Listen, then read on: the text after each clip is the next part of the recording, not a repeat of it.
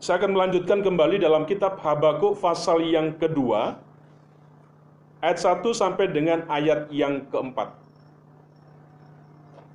Kemarin kita memperhatikan belajar dari Habakuk pasal yang pertama. Kita akan belajar dari Habakuk pasal yang kedua, ayat 1 sampai dengan ayat yang kelima. Mari kita membaca bergantian sampai dengan ayat yang kelima. Saya akan membacakan ayat ganjil, Bapak Ibu yang genap, sampai dengan ayat yang kelima. Kita akan membaca bersama-sama. Demikian bunyi firman Tuhan.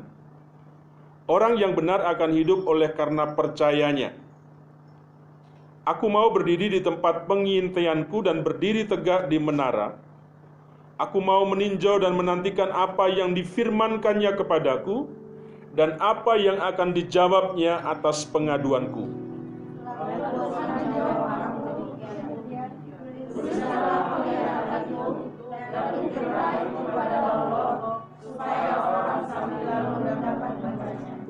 Sebab penglihatan ini masih menanti saatnya tetapi ia bersegera menuju kesudahannya dengan tidak menipu.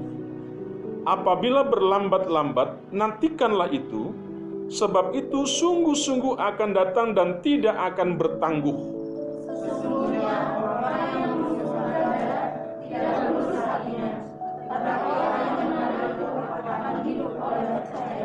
Orang sombong dan hianat, dia yang melagak, tetapi ia tidak akan tetap ada ia akan mengangakan mulutnya seperti dunia orang mati, dan tidak kenyang-kenyang seperti maut, sehingga segala suku bangsa dikumpulkannya, dan segala bangsa dihimpunkannya.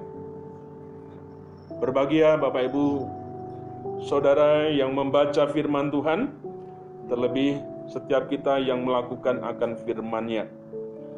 Kita akan perhatikan di dalam ayat yang ke keempat, di sana dikatakan Sesungguhnya orang yang membusungkan dada tidak lurus hatinya.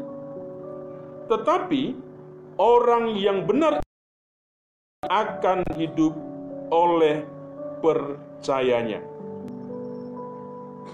Sesungguhnya orang yang membusungkan dada tidak lurus hatinya, tetapi orang yang benar itu akan hidup oleh percayanya. Orang benar hidup oleh percayanya. Bapak Ibu Saudara yang kasih Tuhan,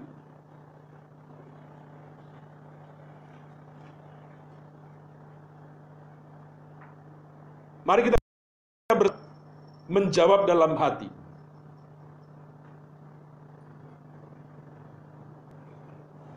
Dalam kehidupan kita,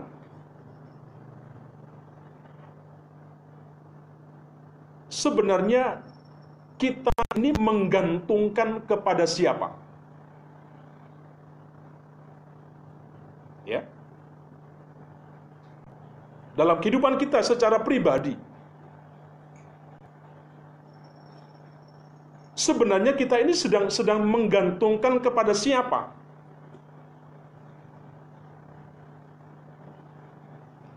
Apakah yang menjadi gantungan kita dalam seluruh hidup kita itu bertumpu pada kelimpahan secara finansial.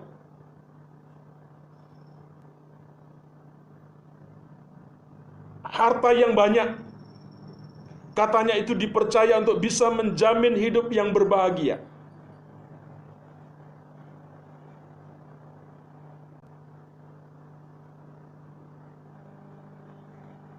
Katanya jangan jangan jadi orang yang miskin supaya nggak sakit. Jadilah orang kaya supaya nggak sakit. Katanya begitu. Kenapa? Ada sebuah anggapan bahwa harta banyak itu bisa menjamin hidup bahagia. Benar, Mama Yuska ya? Kira-kira begitu ya? Enggak juga ya?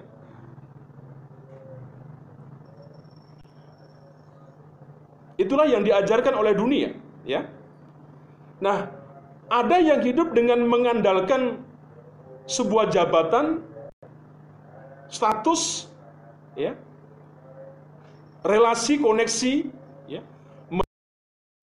Hidup yang berhasil adalah hidup yang melimpah harta, yang mem memegang jabatan, yang punya sebuah koneksi, ya relasi yang baik.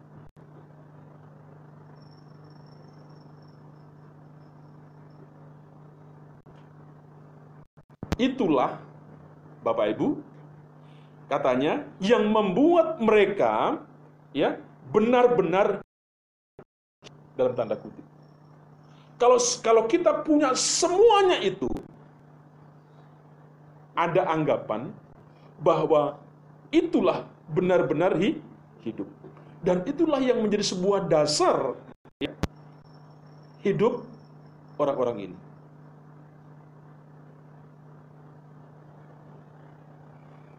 Sehingga Bapak Ibu, semakin lama semakin jarang ada orang yang bisa hidup tanpa mengejar semuanya itu. Ya, dan meletakkan sebuah pondasi ya kehidupan mereka kepada sebuah keyakinan atau kepercayaan mereka kepada Tuhan. Dua Oswi. Apakah orang-orang yang seperti itu meletakkan sebuah pondasi kehidupannya ya atau sebuah kepercayaan mereka kepada Tuhan.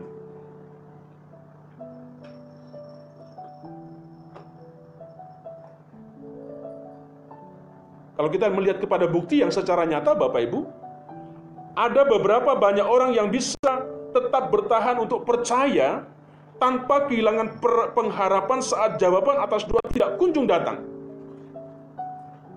Ada sebagian orang yang kecewa dan menuduh Tuhan yang bukan-bukan. Kenapa? Karena apa yang diharapkan, apa yang di, yang dinantikan, apa yang dirindukan tidak kunjung tercapai seperti itu. Seperti Ayub, kita belajar sudah belajar. Kadangkala kita hanya mau ya menerima yang baik. Tetapi kita marah kalau harus menerima yang buruk. Yang baiknya saja kita kita mau senang. Tetapi bagaimana pada saat yang buruk?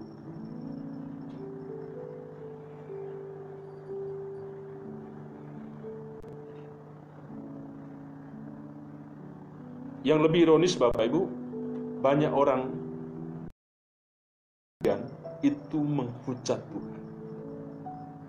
Menyalahkan Tuhan kasarnya memaki-maki itu.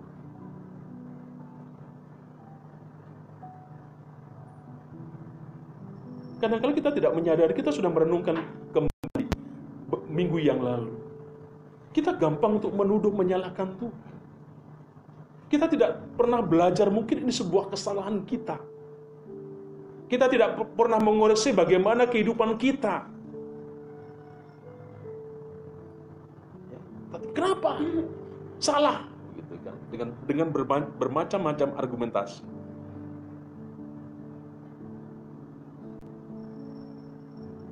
Bapak Ibu, pertanyaan tadi, pertanyaan ini apa yang saya ungkapkan tadi menjadi sesuatu yang, yang menjadi sebuah pertanyaan yang yang penting. Apa itu? Dengan apa Bapak Ibu hari ini hidup. Apakah apakah kita hidup oleh harta? Apakah kita hidup oleh oleh kekuasaan? Apakah kita hidup oleh sanjungan dan dan sejenisnya? Atau kita ben, sekarang ini hidup kita sungguh-sungguh berlandaskan sebuah kepercayaan yang sungguh-sungguh kita kepada Tuhan kita sungguh-sungguh hidup beriman kepada Tuhan. Dua hal ini yang menjadi satu, perenungan kita pada hari ini. Apakah hidup kita kita gantungkan kepada itu tadi atau kehidupan yang kita jalan ini sungguh-sungguh kita ini hidup dengan iman. Dengan kepercayaan yang yang kuat, yang teguh kepada Tuhan. Saya sudah menjelaskan latar belakang tentang Habakuk Mudah-mudahan Bapak Ibu jangan sampai lupa seperti itu ya. Nah, Saya sampaikan dalam dua minggu yang lalu bahwa Nabi Habakuk itu hidup di zaman yang sangat-sangat berat. Ya. Yang penuh dengan krisis moral. Yang sudah sangat keterlaluan. Ketika melihat sebuah kondisi yang seperti ini dia meratap di hadapan Tuhan. Melihat bangsa Yehuda yang tengah berada dalam sebuah sebuah bahaya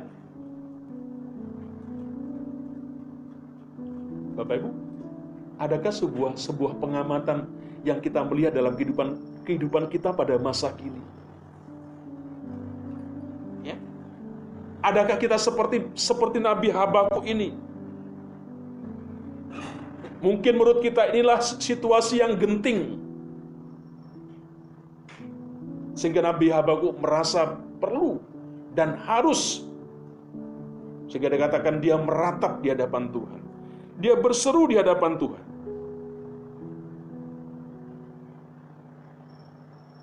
Habakuk sadar apa yang menyebabkan semua terjadi di tengah-tengah bangsanya. Apa itu? Adalah ketidaksetiaan.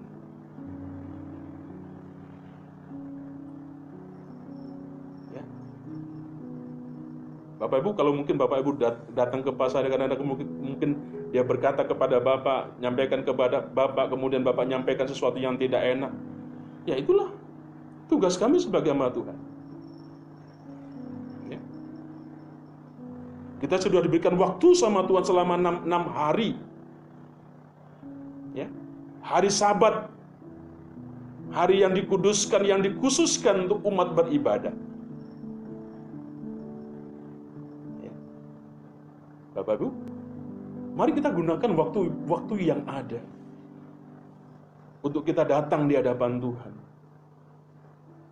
Kenapa? Tuhan sudah memberikan waktu yang lain kepada setiap kita. Ya kira-kira jangan jangan diambillah hari waktunya itu khususkan untuk kita datang bersama keluarga kita, anak-anak kita datang di hadapan Tuhan.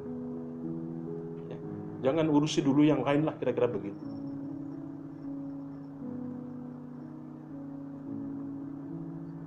Kondisi yang yang sedang terjadi.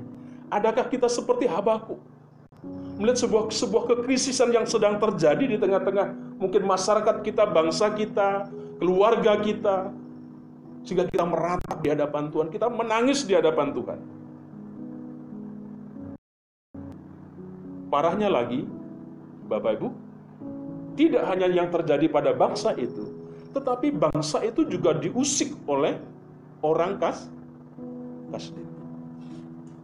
Kalau bicara dalam sederhana Bapak Ibu, kita kita ini apa ya banyak-banyak hal-hal yang kurang kira-kira kurang-kurang kurang bagus gitu. Sementara di lingkungan kita, kita sepertinya dalam tanda kutip tidak dibuat nyaman sama mereka.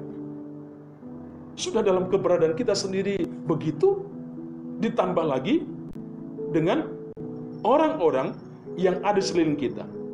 Bangsa Kasdim, bangsa Kasdim itu adalah bangsa Babil. Ya, Kasdim itu adalah bangsa Babil. Bangsa itu yang sudah sudah jelaskan pada pada minggu yang lalu. Ini orang-orang yang luar biasa, yang ganas, yang garang.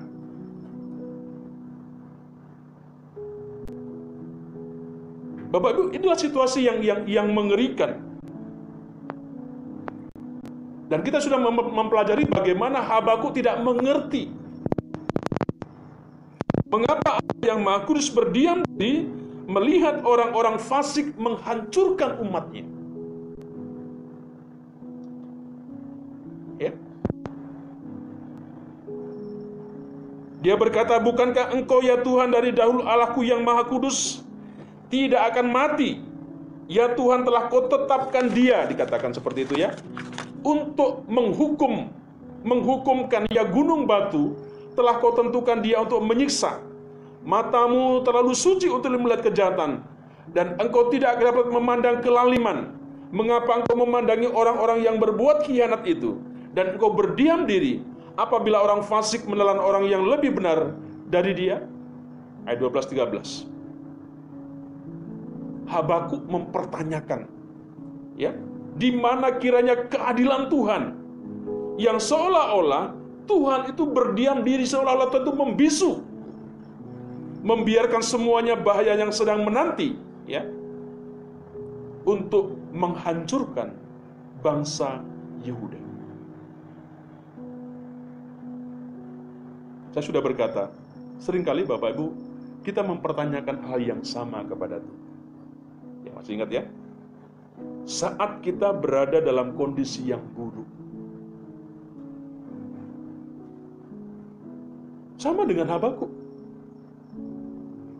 tidak mengerti itu itu satu hal.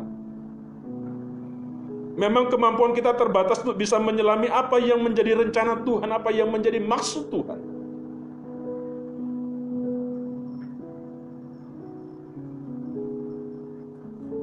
Semua peristiwa yang ada, kadangkala kita tidak mengerti kenapa ini terjadi. Kita mempertanyakan itu kepada Tuhan. Tuhan 20 tahun begitu kira-kira. Perjalanan kami di tempat ini kenapa seperti itu? Kita tidak mengerti. Tetapi Bapak Ibu saya mengajak jangan kemudian membiarkan hal itu berlanjut menjadi kita ini tidak percaya. Kita boleh ya tidak memahami, tidak mengerti apa maksudnya Tuhan. Tetapi Bapak Ibu jangan sampai kemudian itu membuat kita menjadi tidak percaya tidak beriman kepada Allah. Jangan sampai itu terjadi. Dan pasti kalau kita sudah tidak percaya, kita akan menolak.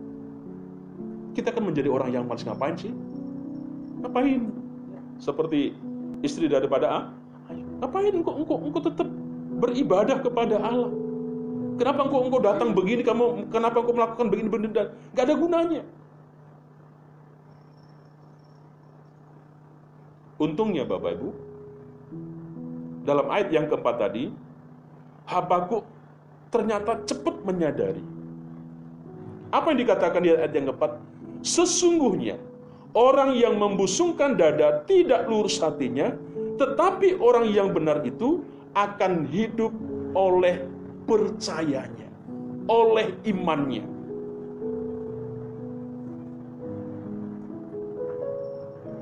Apa yang disebut di sini Bapak Ibu? Sebenarnya jiwa dari orang-orang yang menyombongkan diri itu tidak lurus dalam dirinya, tetapi ya, orang-orang yang benar tanpa kompromi akan hidup oleh iman, oleh percayanya, oleh kesetiaannya. Ini akhirnya yang menjadi kesimpulan daripada Habakuk. Iman yang bisa di, yang Iman yang bisa percaya penuh, iman yang tidak tergoyahkan.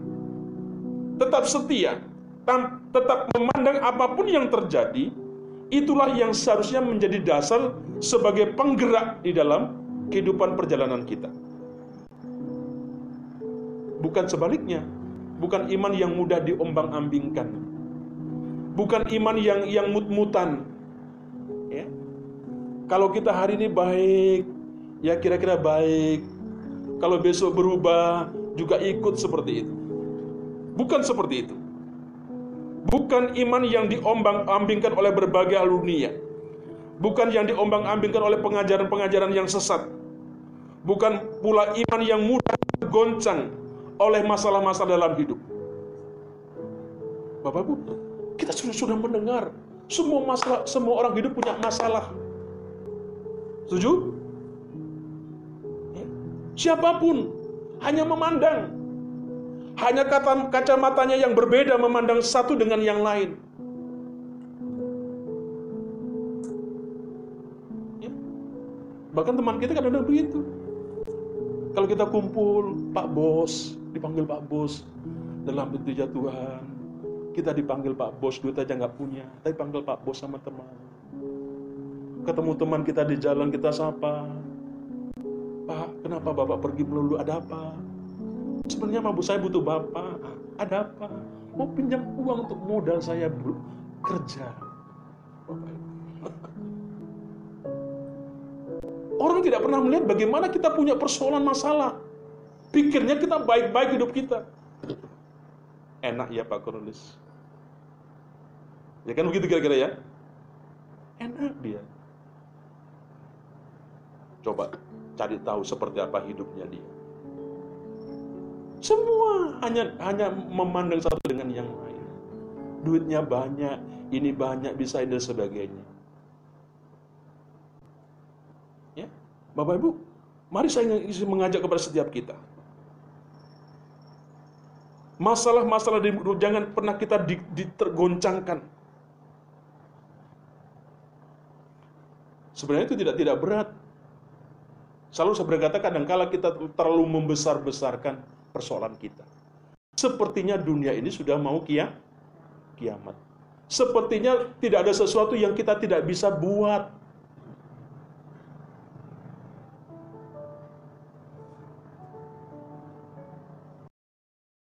Apakah iman kita seperti itu?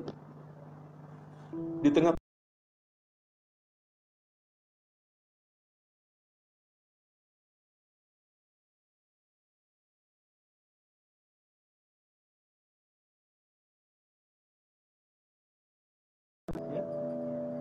wajahnya seperti apa mereka. Tadi saya lupa membaca sebuah rubrik ya tentang tersenyum, gitu kan. Senyum saja sulit Bapak Ibu.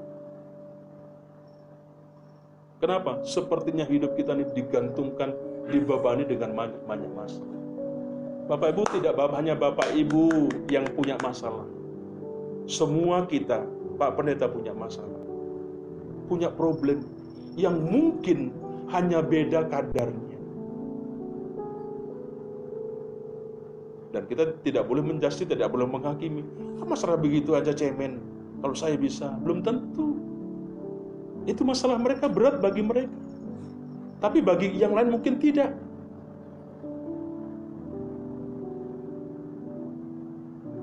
Bagaimana dengan kepercayaan daripada siapa itu? Uh, tentang Sadrak, Mesak, Abednego. Masih kan Bapak ditanya? Iya kan? Sadrak, Mesat, Abednego tetap teguh dan tetap tenang saat dimasukkan ke dalam api. Ya. Meski mereka belum tahu apakah Tuhan mau menyelamatkan atau tidak. Dia bisa tenang. Dia bisa nyaman kira-kira begitu.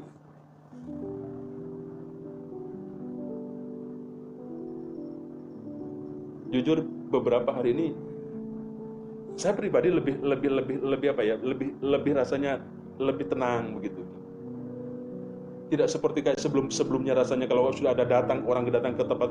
Ada sesuatu yang tidak nyaman. Sadrak dan temannya itu dimasukkan ke dalam api. Dia tidak tahu apakah dia akan ditolong Tuhan atau tidak. Di dalam Daniel eh, pasal pasal, pasal yang ketiga itu 17 sampai 18 Bapak dikatakan demikian ya. Jika Allah kami yang kami puja sanggup melepaskan kami, maka ia akan melepaskan kami. Ya. Kalau jika Allah yang kami puja sanggup melepaskan kami, maka ia akan melepaskan kami. Ya. Tetapi seandainya tidak, apa dikatakan kepada raja? Hendaklah tuanku mengetahui ya raja, bahwa kami tidak akan memuja dewa tuanku dan tidak akan menyembah patung emas yang tuanku dirikan itu. Seadanya Tuhan tolong atau tidak, nggak ngaruh. Ini iman yang radikal kira-kira begitu. Apakah iman kita seperti itu Bapak Ibu? Abaku nanti endingnya ke sana. Kalau Tuhan berkenan, tentu dia bisa melepas melepaskan. Ketika kita berdoa sama Tuhan, Tuhan, kalau ada sampai orang yang masuk ke tempat ini, jadikanlah dia patung. Berapa banyak patung Bapak Ibu yang punya? Hmm? Sayangnya tidak tidak tidak berkenan apa yang menjadi doa kita. Ingat Bapak Ibu, ada sebuah perkenanan itu yang kadang-kadang kita tidak tidak harus harus mengerti apa bukan bukanlah kehendakku, tetapi biarlah kehendaknya tuh Tuhan yang jadi. Sama dengan apa yang dikatakan oleh oleh Sandrak dan teman-temannya ini. Tetapi kalaupun tidak, kami tidak akan pernah mau menggadaikan iman kami. Ya. Ini seruannya, ini doa daripada ketiga orang tadi.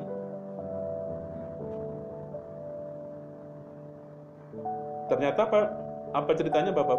Imannya lah yang menyelamatkan mereka. Api tidak pernah menghanguskan. Ada firman Tuhan saya lupa itu Bapak Ibu. Apa namanya? Api tidak menghanguskan. Kemudian air ya itu tidak akan meng menghanyutkan. Api tidak membakar, air juga tidak akan meng kembali kepada Habakuk. Meskipun Habakuk tidak mengerti mengapa ya uh, Tuhan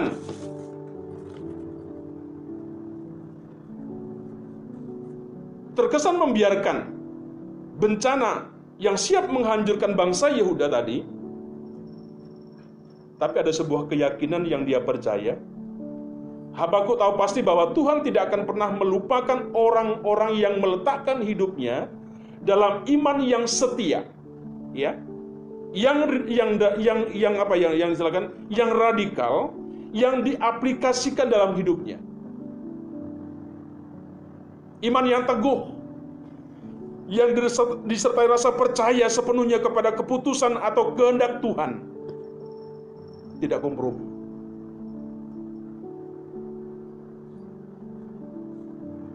Bapak Ibu, Mari kita belajar. Ya. Kalau kita membaca di akhir kitab Habakuk, kita bisa melihat bagaimana tingginya iman daripada nabi ini. Imannya tidak tergoncang oleh situasi apa pun. Ya. bahkan dalam ketidakmengertian pun akan keputusan Tuhan, dia juga tidak tahu. Tetapi Bapak Ibu perhatikan apa yang dikatakan uh, apa uh, Habakuk ayat yang ke-17 19. Apa doa, doa akhir daripada Nabi Habakuk? Mari kita baca bersama-sama 17 19. Sekalipun pohon ara tidak berbunga, pohon anggur tidak berbuah, hasil pohon zaitun mengecewakan, sekalipun ladang-ladang tidak menghasilkan bahan makanan, kambing domba terhalau dari kurungan, dan tidak ada lembu sapi dalam kandang, namun aku akan bersorak-sorak di dalam Tuhan, beria-ria di dalam Allah yang menyelamatkan aku. Allah Tuhanku, itu kekuatanku, ia membuat kakiku seperti kaki rusa, ia membiarkan aku berjejak di bukit-bukitku.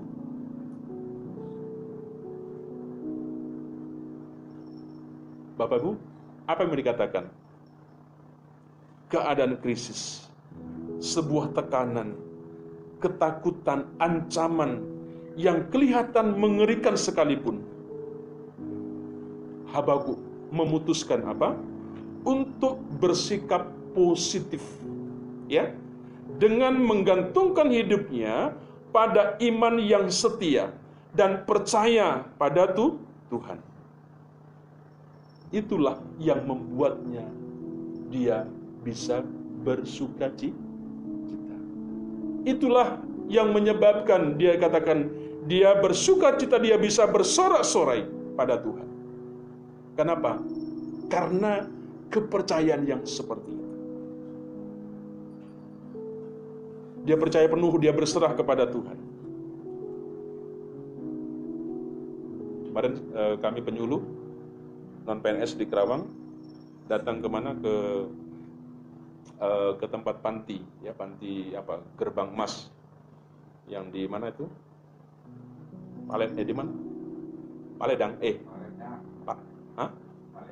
Paledang ya. Apa dikatakan di sana? Menarik Bapak. Ada katanya di, di kerangin namanya lembaga ini Pak yang ini ini gitu kan. Tapi omnya omong du, om du. Hah, saya bilang begitu. Ini ini orang awam. Tapi jemaat jemaat jemaat biasa. Tapi statement begitu ngeri kita mendengar. Ah omong doa, katanya begini begini begini tapi kami praktek Pak di tempat ini. Kami jadi dokter. Gitu kan. Saya gak ada dokternya di sini. Ada Pak. Ada yang bertanggung jawab. Saya bilang berkali-kali gitu kan. Ini orang-orang yang sudah tua tapi oh, seperti itu. Sehingga dia mengatakan begitu. Kalau ada yang sakit, ada apa saja, saya Pak yang turun langsung. Mungkin suatu saat kita bisalah kita ada waktu untuk kita bisa lihat orang-orang tua yang di sana, kita bisa berbagi. Bapak Ibu, apa yang mau saya katakan di sini?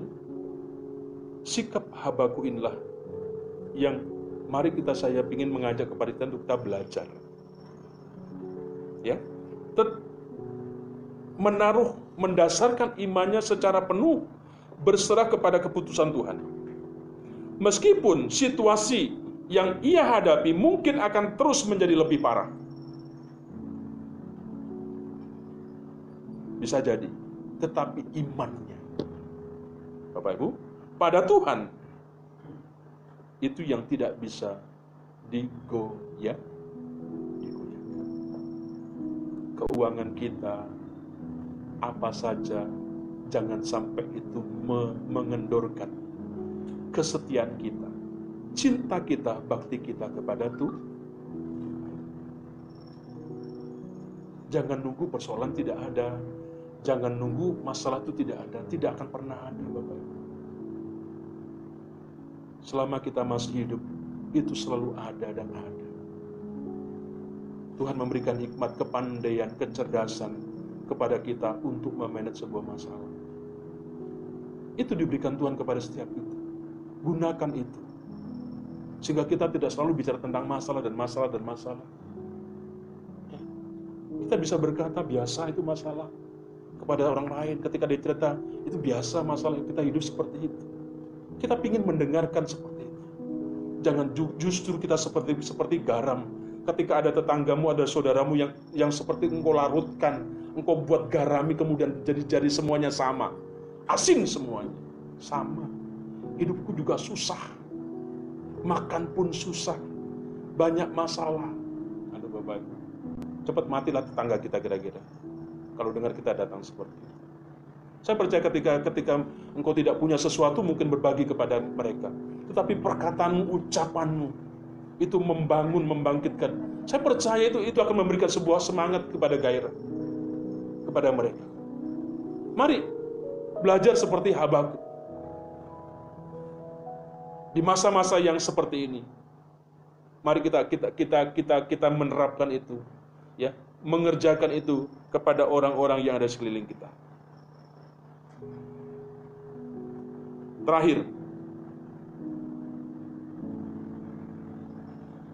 percayalah, ya, bahwa Tuhan itu memampu, ya, membuat kaki kita, Bapak Ibu, membuat kaki kita itu lincah seperti kaki rusa untuk meloncat ya untuk melompati setiap masalah-masalah yang ada meskipun belum ada sebuah jawaban yang diberikan Tuhan kepada kita mari kita percaya sepenuh hati kepada Tuhan saja yang ada dalam hidup saya sudah mengingatkan mungkin Tuhan sedang mengajak kepada kita untuk menelisik tentang kehidupan kita. Sehingga kita bisa berbagi kepada orang lain.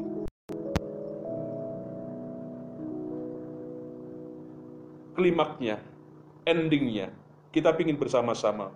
Pada suatu saat nanti, ketika ketika ada seperti, seperti yang masalah-masalah yang ada, kita akan bisa seperti Nabi Habakuk. Kita akan berkata seperti itu sekalipun pohon ara tidak berbuah. Pohon anggur tidak berbuah.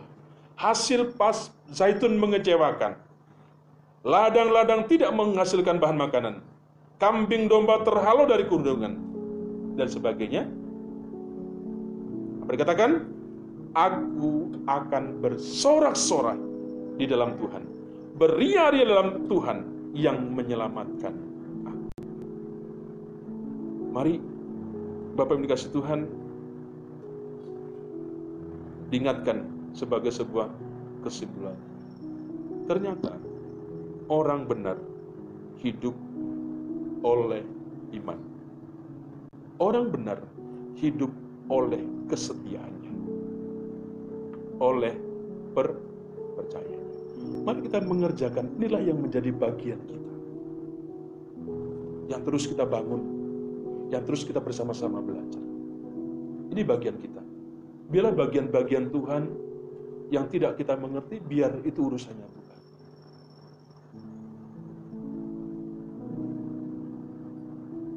Saya rindu jemaat di tempat ini, Bapak Ibu di mana pun yang ada, yang mendengar firman Tuhan. Ketika engkau ada masalah, ya, engkau akan bisa berkata seperti daripada doa Nabi Haba, Habakuk. Masalah, kesukaran, kesulitan tidak akan pernah menghimpit, tidak akan pernah mengecilkan bagaimana kita hidup dalam pengiringan kita kepada Tuhan. Mari kita tunduk kepala.